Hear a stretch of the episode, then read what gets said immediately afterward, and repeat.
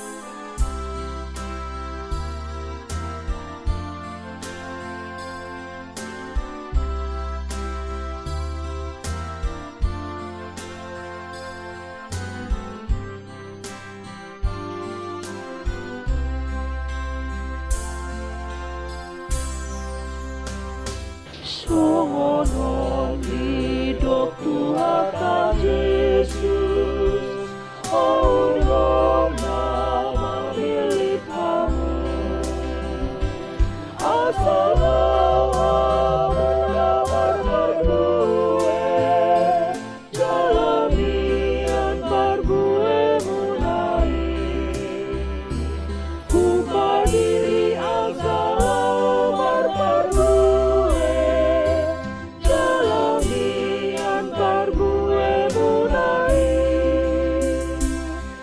Maranatha.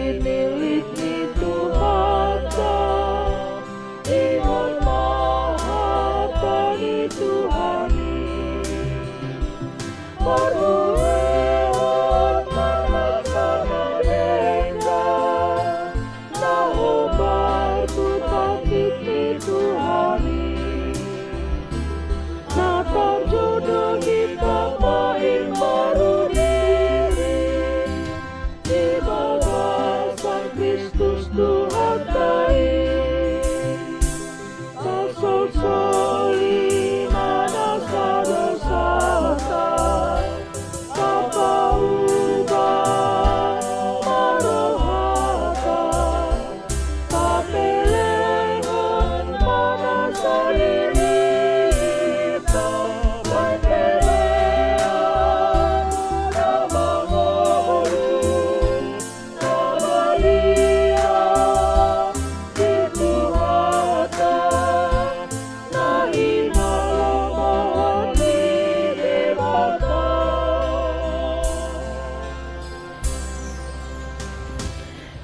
sana piniliti Tuhan Parado di panjuan Bagus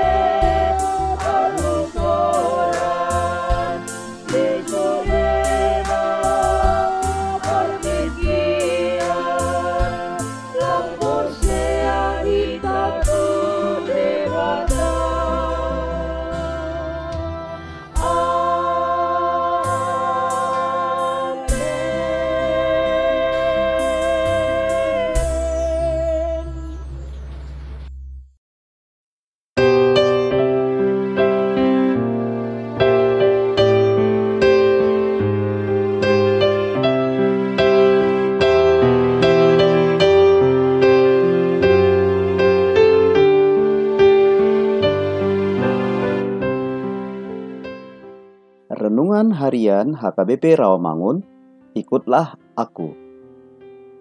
Senin tanggal 2 November 2020 dengan tema Jangan menjadi serupa dengan dunia.